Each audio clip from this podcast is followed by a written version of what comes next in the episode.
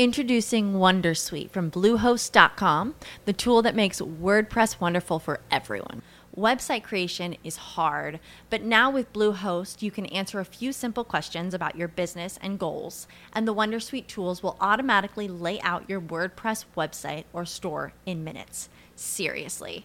From there, you can customize your design, pick your brand colors, and add blocks. No custom theme or coding required. You'll get content suggestions that you can keep or revise, and with Yoast SEO built in, we automatically help you get found in search engines. From step by step guidance to suggested plugins to an AI powered help bot. Our built in tools make WordPress wonderful for everyone. Maybe that's why Bluehost has been recommended by WordPress.org since 2005. Whether you're a beginner or a pro, you can join over 2 million Bluehost users. Go to bluehost.com slash Wondersuite. That's bluehost.com slash Wondersuite. As humans, we're naturally driven by the search for better. But when it comes to hiring, the best way to search for a candidate isn't to search at all. Don't search, match with Indeed. When I was looking to hire someone, it was so slow and overwhelming. I wish I had used Indeed. If you need to hire, you need Indeed. Indeed is your matching and hiring platform with over 350 million global monthly visitors, according to Indeed data, and a matching engine that helps you find quality candidates fast. Ditch the busy work. Use Indeed for scheduling, screening, and messaging so you can connect with candidates faster. And Indeed doesn't just help you hire faster. 93% of employers agree Indeed delivers the highest quality matches compared to other job sites, according to a recent Indeed survey. And listeners of this show will get a $75 sponsored job credit to get your jobs more visibility at Indeed.com slash podcast. That's Indeed.com slash podcast. Terms and conditions apply.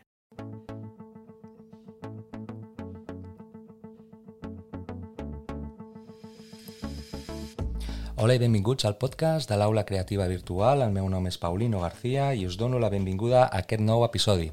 Un episodi que, com els anteriors, pretén donar difusió a projectes, notícies, novetats literàries, així com donar veu a personalitats de l'àmbit educatiu. I en l'episodi d'avui tenim el plaer de comptar amb nosaltres amb un escriptor de renom com és Iñaki eh, Viggi, que ens eh, parlarà de la seva última novel·la, El lobo de Whitechapel.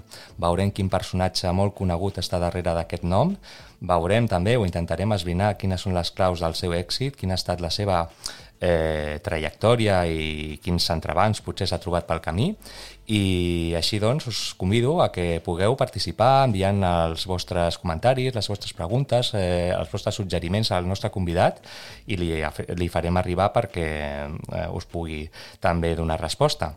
Si ens acompanyeu, eh, us convido a escoltar a continuació l'entrevista que farem amb ell. Recordo que podeu participar a través dels nostres perfils de Facebook, Twitter i Instagram, on podeu deixar, torno a repetir, tots els comentaris que vulgueu. Avui, però, comencem l'entrevista a Iñaki Viggi.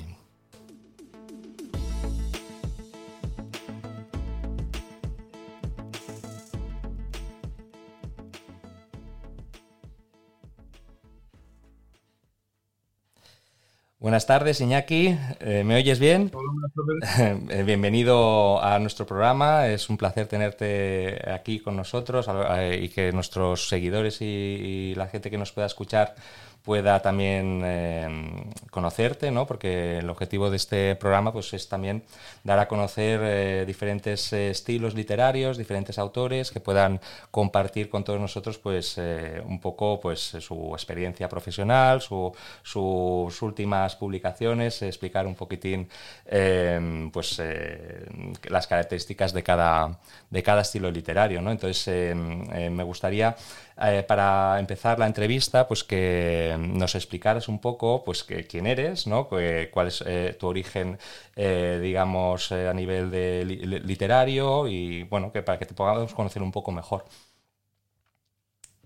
Pues soy Iñaki Villi y es el, el, firmo mis libros como i.villi uh -huh. y sobre los orígenes, pues son unos orígenes, digamos, casuales. Sí nacidos pues de, de leer mucho, eh, al cabo de muchos años de leer mucho, pues ha habido un momento que me planteé si podría, si sería capaz de hacer una, una novela. Y eh, tenía en ese momento un poco el tema de, de, esta, de precisamente esta última novela, Lobo de Whitechapel. Sí. Y pensé en poder, pues, igual no una novela totalmente extensa, pero sí, bueno, pues un comienzo, ¿no? Sin, sin vistas a publicar ni hacer nada, simplemente ver si yo era capaz de, de ese estilo de novelas que yo leía, pues hacer las mías, ¿no? Y bueno, de hecho empecé con el logo de Whitechapel, pero lo tuve que dejar porque la falta de información era cuando no existía Internet, ¿no? Todo a base de libros, ¿no? De referentes, a lo mejor, ¿no? Y, y, sin Internet, eh, ahora nos parece imposible que haya habido tiempo sin Internet, pues era, era imposible hacer eso. Tuve que aparcarlo y ya empecé con otros proyectos. Ya antes ya había escrito algunos cortos, unas cosas así, había hecho un concurso y bueno, entonces, pues, podríamos decir que, esta última novela que publicas del Lobo de Whitechapel puede ser la novela más difícil que has eh, podido mm, acabar de completar por su complejidad de, la trama o por la... Igual, eh, la más difícil no, pero sí que es la que más, más me ha costado documentarme. Como te decía, cuando empecé con ello, pues toda la documentación estaba en inglés. Yo el inglés no tengo ni idea. Y no, pues no, no había esa divulgación que hay. Hoy en día, pues eh, no solamente Internet te sirve para encontrar datos, sino pues para encontrar bibliografía. En aquellos tiempos era la bibliografía que había era escasa y en inglés. Entonces, con, con eso, con lo que tenía, no, no podía lanzarme a esta aventura. Bueno, pues eh, poco, a poco has intentado pues, eh, aprovechar las nuevas tecnologías ¿no? para poder documentar todas tus, tus obras. ¿no? Entonces podríamos decir que tu estilo literario se basa más en, un estilo más histórico, ¿no? Basándose en, recopilar información que pueda ambientar eh, los personajes que en él aparecen.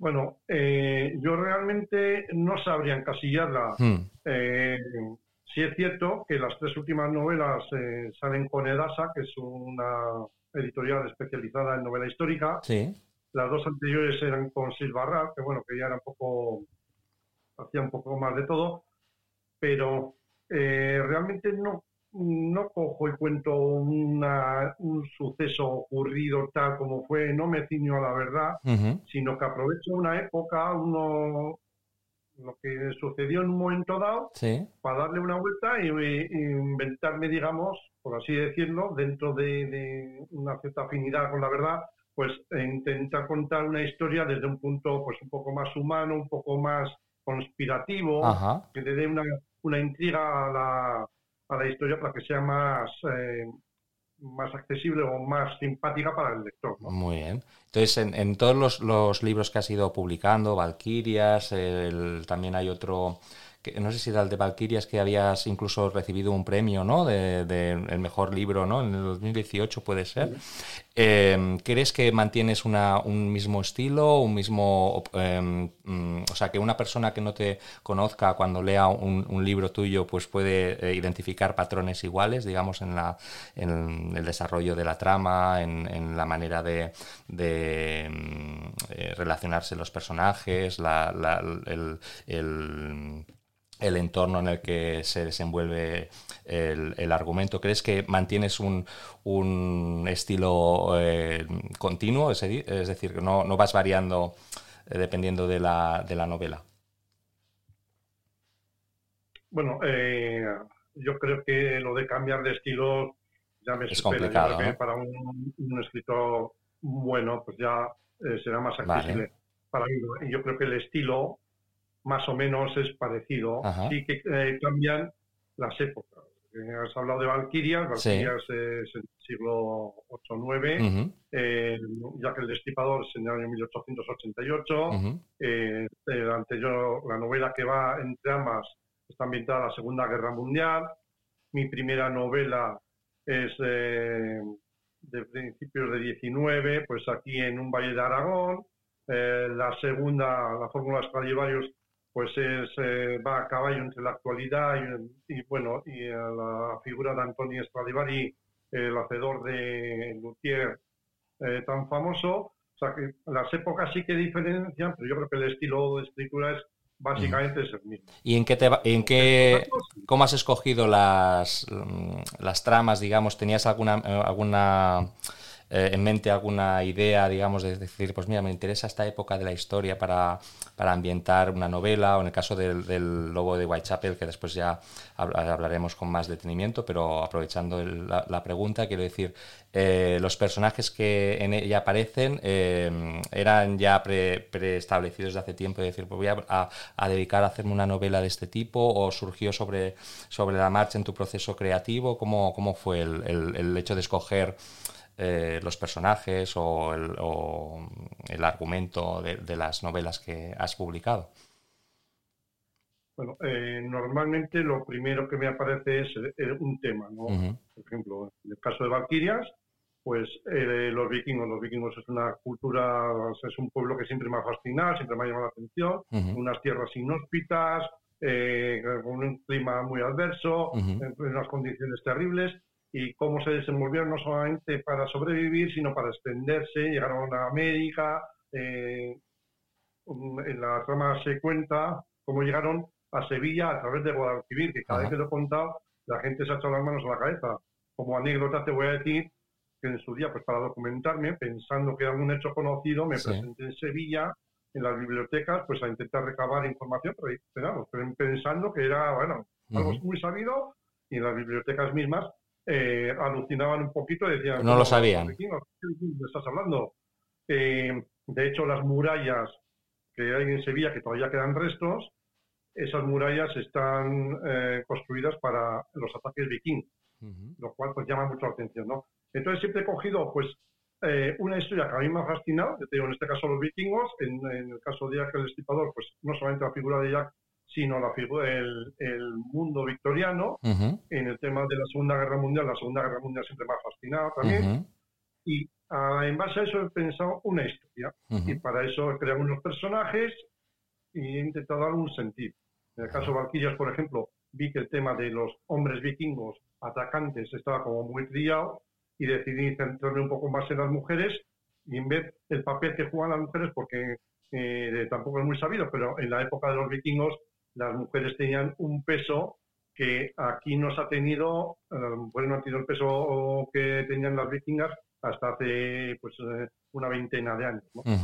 O sea que eh, tu también pasión por la historia, por documentarte, también se traslada en, tus novelas, ¿no? O sea, aquello que es solo inspiración, sino también aprovechar hechos reales o que, o que han pasado para darle una vuelta argumental, ¿no? Para entrelazar la trama, ¿no? Y que pueda ser incluso más atractivo para el lector, ¿no? Porque a lo mejor puede identificar algunos elementos que son más cercanos, ¿no? Como esto que me has comentado de las murallas, ¿no? Que a lo mejor una persona de, esa ciudad, ¿no? Que lea tu novela y, ostras, pues eh, eh, estoy conociendo cosas nuevas a través de, este, de este libro, ¿no? De este argumento, ¿no? Y, eso también eh, ayuda también a divulgar hechos históricos que a lo mejor de otra manera parecerían o más difíciles de acceder, ¿no? Porque si me comentas que a la hora de documentar no es fácil encontrar eh, digamos, esta información, pues a lo mejor tus novelas también aportan ese, ese plus, ¿no? De, dar a conocer cosas que, en su mayoría de gente, pues a lo mejor desconoce y lo tiene, lo tiene justo al lado, ¿no? De, es lo que te quería comentar. una de las preguntas recurrentes suele ser ¿qué has intentado hacer con esta novela? ¿no? Mm. Y, la, más o menos la respuesta básicamente siempre es la misma dentro de entretener, es una novela de entretenimiento, no de estudio, nada, pero sí igual eh, despertar una curiosidad, pues, bien por los vikingos, bien por la Segunda Guerra Mundial, bien por unos violines que todo el mundo sabemos, los violines de Stradivarius son muy caros, pero ahí se queda.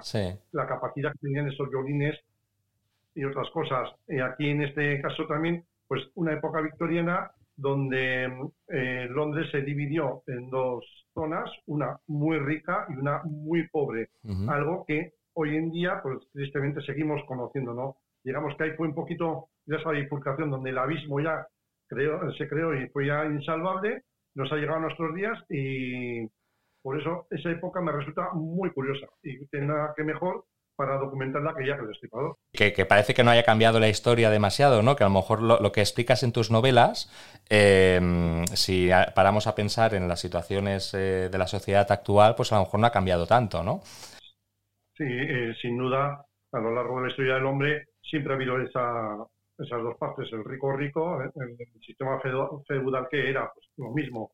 Pero sí que yo constato un poco que con el Imperio Británico y con la Revolución Industrial, que era una revolución que nos iba a dejar de trabajar, ya no íbamos a trabajar más, ya pues íbamos a ser todos pues eh, eh, holgazanes en potencia, digamos, pues eh, íbamos a vivir bien sin trabajar. Y sin embargo lo que ocurrió es que efectivamente hubo gente que trabajó aún menos y vivió mejor, pero la gran mayoría vivió mucho peor.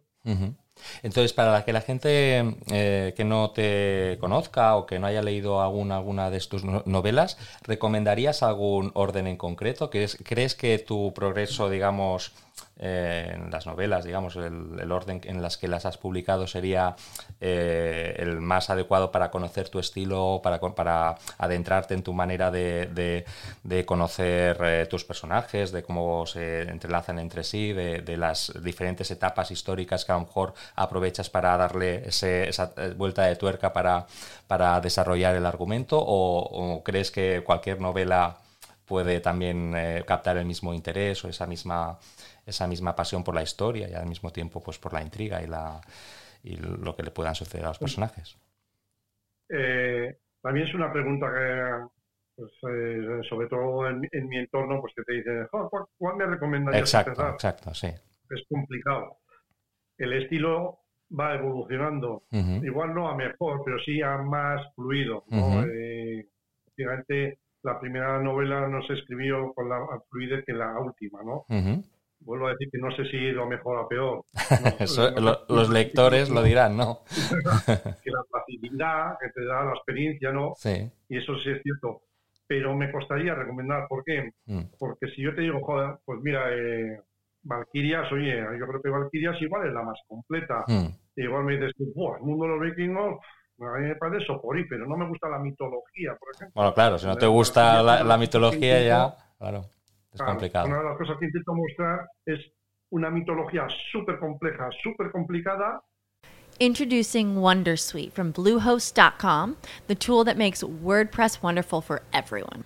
Website creation is hard, but now with Bluehost, you can answer a few simple questions about your business and goals, and the Wondersuite tools will automatically lay out your WordPress website or store in minutes. Seriously. From there, you can customize your design, pick your brand colors, and add blocks. No custom theme or coding required. You'll get content suggestions that you can keep or revise, and with Yoast SEO built in, we automatically help you get found in search engines. From step by step guidance to suggested plugins to an AI powered help bot, our built in tools make WordPress wonderful for everyone. Maybe that's why Bluehost has been recommended by WordPress.org since 2005. Whether you're a beginner or a pro, you can join over 2 million Bluehost users. Go to bluehost.com slash wondersuite. That's bluehost.com slash wondersuite.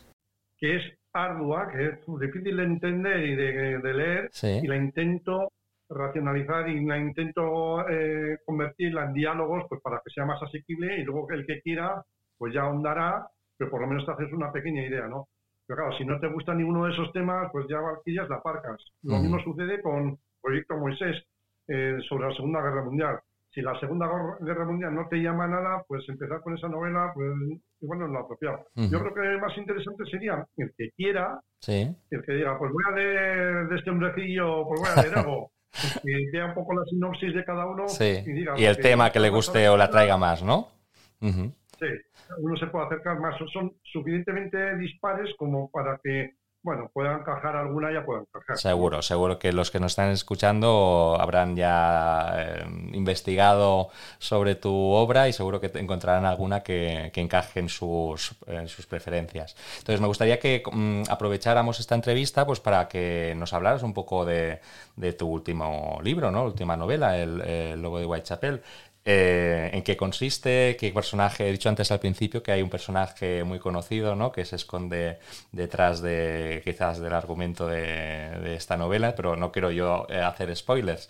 Si puedes eh, hacernos mm, cuatro pinceladas del libro o en qué se basa para que los que nos escuchen puedan interesarse por él pues como he dicho, eh, está ambientada en el año 1888, en la época victoriana, e intento reflejar un poquito, sin asustar, intento eh, reflejar un poco lo que era la sociedad en ese mundo, lo que te he dicho, la revolución industrial, como pues humanamente ha fallado, eh, hay unas bolsas de pobreza terribles, Europa está en un, en un proceso de cambio terrible, pierde mucha, mucha de su influencia respecto a los nuevos gigantes que tenemos hoy en día, Estados Unidos, Rusia, eh, y también aparece el Vaticano, una conspiración vaticana también, pues recientemente se había quedado el Papa León XIII, eh, se había quedado sin sus estados pontificios y la Iglesia se tenía que reinventar para no desaparecer.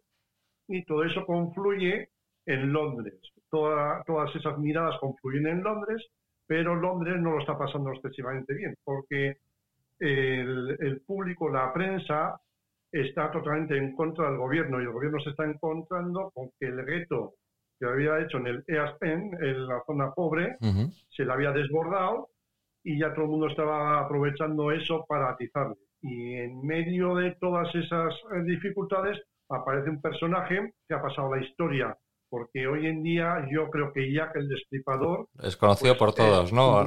Más conocido que Mickey Mouse. Sí teniendo la curiosidad que no ha sido ni el asesino más prolífico, ni el más sanguinario, ni el más nada.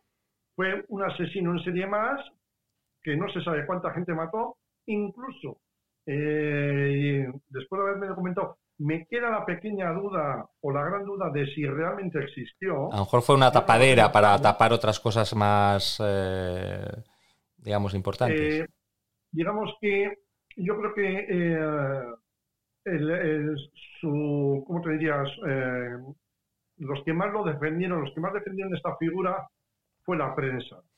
Una prensa que quería cargarse a toda costa al, gobierno y en especial al jefe de policía, un, un, general del ejército que le habían puesto ya dedo la reina, pues para instaurar el orden. Y como todo el mundo estaba de él hasta el gorro, aprovecharon estos asesinatos que ni eran los primeros ni fueron los últimos para crear una figura que igual existió, pero que no está suficientemente documentada y aprovechando esto, pues se hicieron eh, barbaridades pues, para alertar a la población y ponerla en contra pues, de, la policía y del gobierno. ¿Y crees que este personaje, a pesar de, eh, que hemos dicho antes, ¿no? al decirlo, pues seguramente eh, todo el mundo diría, ah, sí, yo he oído hablar, pero ¿crees que realmente la gente conoce la historia que hay detrás de, esta, de este personaje? Está claro que para el, estudioso de Jack el Destripador, que hay y muchos, muchos, muchos, o también para los estudiadores de Sherlock Holmes, que también hay quintales y que conocen muy bien toda esa época, no va a suponer ningún, ninguna sorpresa nada de lo que yo cuente. Está claro. Pero para el público en general, pues para el que no conoce a Jack el Destripador, simplemente ha oído hablar de él, sí. Y yo creo que, pues bueno, va a haber cosas curiosas, eh, quién se pensó, eh, se pensó que pudo ser, cómo se movía. Bueno, sí va a haber suficiente material como para despertar la curiosidad. Muy bien. Entonces, esta, en esta última novela, ¿cómo has conseguido entrelazar tantas cosas? ¿no? Parece como muy complicado, ¿no? Eh, poder eh, darle un sentido a, cosas tan diversas. viene, de un proceso muy largo de, pensar, ¿no? de, desarrollar yo no sé cómo harán otros escritores, yo a la, hora de desarrollar una novela, primero la tengo que vivir en la cabeza, ya tengo que tener la suficiente información y trama como para hacer un desarrollo cabal. Luego, si es verdad, pues que, bueno, van incorporándose cosas o cosas que te parecían importantes, luego las desechas, porque lógicamente todo no entra. Uno de los igual de los más temidos errores de, de un escritor que se dedica a histórica o que es un estudioso, mm. es eh, ya que te ha costado tanto documentarte, ahora por narices se lo vas a trasladar al lector y entonces se queda un libro infumable, ¿no? Siempre, pues a pesar de que a ti te ha costado un montón, tienes que quitar muchísima información para dejar eh, hechos relevantes, pero que eh, despierten el interés, no el hastío de, del lector. Y ahí, como te había comentado al principio, entra Internet sin Internet mm, mi trabajo no hubiese podido llevarse a cabo. Entonces esta novela podríamos decir que mm, engloba eh, a grandes rasgos todo este proceso creativo y, no tienes previsto hacer una continuación, quiero decir, con tanta información que has recopilado, has, conseguido cuadrar el círculo y, poner en, el argumento, en la novela, todo lo que querías incorporar. Mira, eh, con las segundas partes soy un pelín alérgico. Vale. Eh, yo no las he hecho, pero el que las hace eh, suelo ser un poquito reticente. Digo, ¡buah! Aprovechar el tirón. ¿Por qué? Porque normalmente de un tema lo que expones en el libro es lo mejor. No todo, pero sí lo mejor. Lo que se queda, pues hay cosas que son tan buenas, pero no lo superan. Entonces, eh, ya has retirado un montón de material y ya empezar a hacer un pastiz con las eh, con otras tramas, con la información que se te ha quedado en el tintero, no me suele parecer buena idea. No descarto que algún día, eh, por, por lo que sea, pueda suceder, o incluso que pueda aprovechar unos personajes que me hayan resultado eh, especialmente simpáticos para hacer una historia distinta. Por ejemplo, en Valkyrias hay muchos personajes que me he sentido muy identificado y que cuando terminé el libro, vamos, me corrían lágrimas porque me había cogido mucho cariño. Era un libro muy tocho, con una información terrible y había, me había metido en, los personajes muchísimo, pero mm, no tendría sentido hacer otra eh, historia de vikingos. Y claro, no los puedes sacar de ahí porque no pueden volar en el tiempo. Pero, por ejemplo, con personajes más actuales, pues sí podría usarlos para otras tramas. Pero seguir con la misma trama, en principio, yo tengo que soy un poco real. Bueno, ahora estás eh, focalizado, supongo, en la, promoción de esta última novela, del Lobo de, Whitechapel. Entonces, me gustaría saber si, si, tienes previsto hacer alguna, alguna aparición para que puedan conocerte en persona. Bueno, este domingo próximo voy a Baeza, que han, puesto una, un certamen de novela negra y ahí presentaré la novela, la de Viaje del Estipador. Ese lo organizan las mismas personas que tuvieron el detalle hace unos años de concederme un premio por Valquirias, como la mejor novela de la historia del 2018. Sí.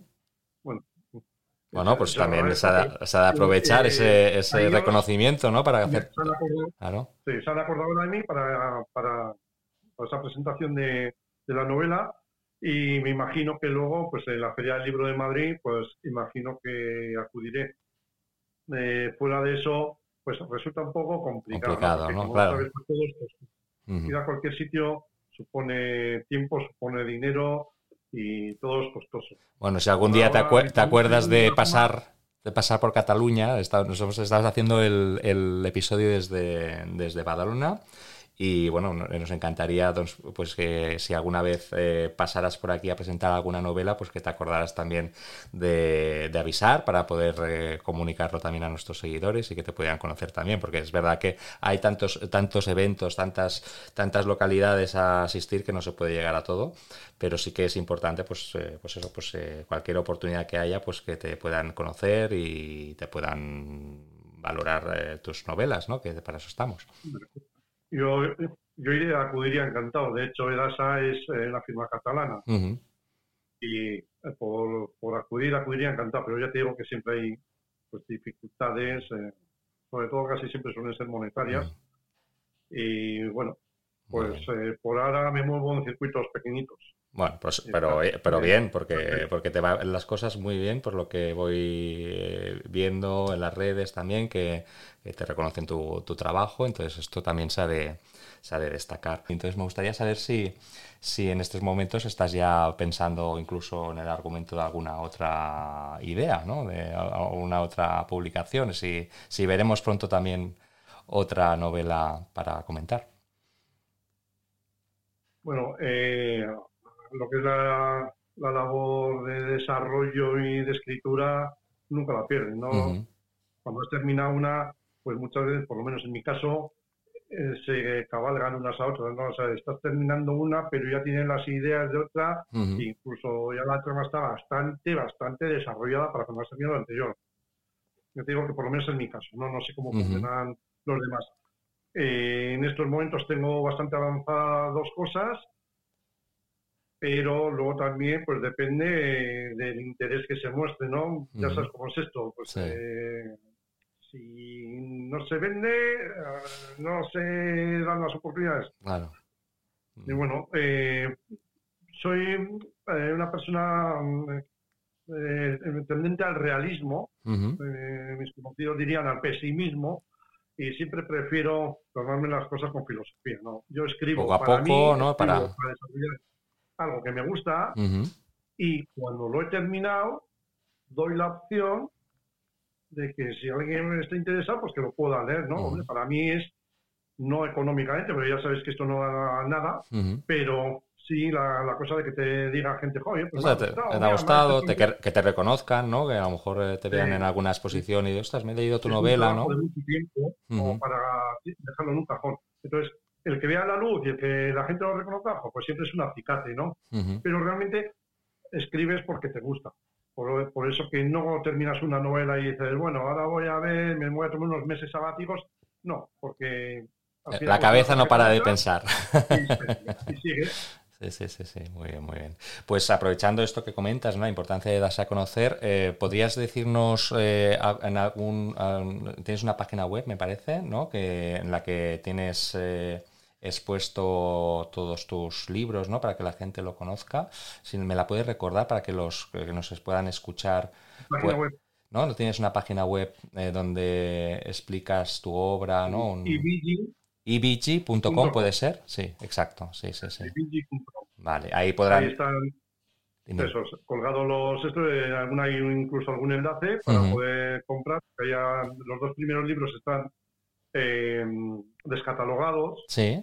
Sin embargo, del segundo, una... Los dos primeros libros te refieres a, al de mm, el Stradivarius y... No. Sí, el Stradivarius, el segundo. Sí. Eh, una comunidad eh, hispanoparlante israelí eh, compró los derechos pues para hacer una nueva edición allí sí porque parece que tuvo bastante buena acogida y actualmente eh, se puede comprar a través de internet ese libro el primero sin embargo pues está ya descatalogado ya hace unos cuantos años. Vale, vale, vale, perfecto. Pues eh, yo animo a todos los que nos están escuchando a, conocer a nuestro eh, invitado de hoy, a que conozcan sus novelas, porque ya habéis visto que todo, todas sus novelas tienen un, un gran eh, trabajo detrás de investigación, de recopilar muchos datos para después darle ese juego, esa intriga en la trama, los personajes, ¿no? Y, y, que, y que, bueno, que seguro que la gran variedad de temáticas que nos han explicado Iñaki, pues puede ser de interés de mucha gente que nos está escuchando hoy o que nos pueda escuchar eh, los próximos días en nuestro episodio. Iñaki, no sé si tienes alguna cosa más a comentar, alguna, alguna pregunta que a lo mejor eh, haya quedado en el tintero, pues eh, este es tu momento para aprovechar para comentar lo que te apetezca. Pues no se me ocurre. Yo lo único daros las gracias por todas las molestias que os habéis tomado, porque, bueno, esto lo sabes tú, que esto lo íbamos a hacer la semana pasada y al final, pues por problemas de salud no se pudo y me has dado una nueva oportunidad, de lo cual te quedo muy agradecido porque ya sabes eh, lo costoso y lo dificultoso que es la promoción. Entonces, pues eh, esperar no haber sido muy aburrido. No, hombre, y, no. Pues todo el interés y agradeceros a todos. Muy bien, Iñaki, pues eh, igualmente, sabes que aquí en este programa, pues eh, uno de los objetivos es la difusión literaria y siempre tendrás aquí un espacio donde dar a conocer tus proyectos, tus novelas, que seguro que tendrán mucho éxito. Esta última, recordemos, El Lobo de Whitechapel. Y, nada, eh, espero que nos podamos ver eh, pronto en el futuro para que me puedas comentar cómo ha ido la promoción, cómo ha ido las ventas, cómo ha ido todo ¿no? de, este nuevo proyecto que emprendes y que todo lo que te vaya en el futuro sea igual de exitoso. ¿De acuerdo? Vaya, pues muy bien, muchas gracias y lo mismo. Muchas gracias, Iñaki. Hasta siempre. Venga, adiós.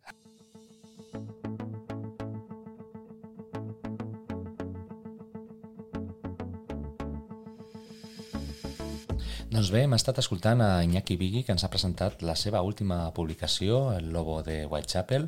Espero que hagueu eh, gaudit d'aquesta entrevista, amb tot el que hem descobert d'aquest eh, escriptor, i us animo a que participeu dels nostres perfils de Facebook, Twitter i Instagram, que ens feu arribar qualsevol pregunta, suggeriment, eh, nota de veu, que vulgueu adreçar al nostre convidat. Heu estat escoltant el podcast de l'Aula Creativa Virtual i el meu nom és Paulino García. Ens retrobem ben aviat.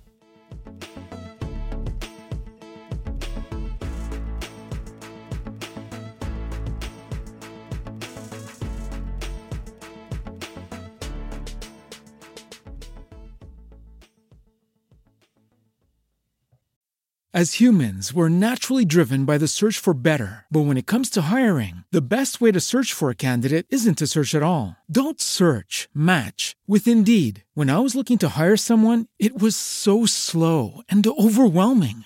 I wish I had used Indeed. If you need to hire, you need Indeed. Indeed is your matching and hiring platform with over 350 million global monthly visitors, according to Indeed data, and a matching engine that helps you find quality candidates fast. Ditch the busy work. Use Indeed for scheduling, screening, and messaging so you can connect with candidates faster. And Indeed doesn't just help you hire faster. 93% of employers agree Indeed delivers the highest quality matches compared to other job sites, according to a recent Indeed survey. And listeners of this show will get a $75 sponsored job credit to get your jobs more visibility at Indeed.com slash podcast. That's Indeed.com slash podcast. Terms and conditions apply.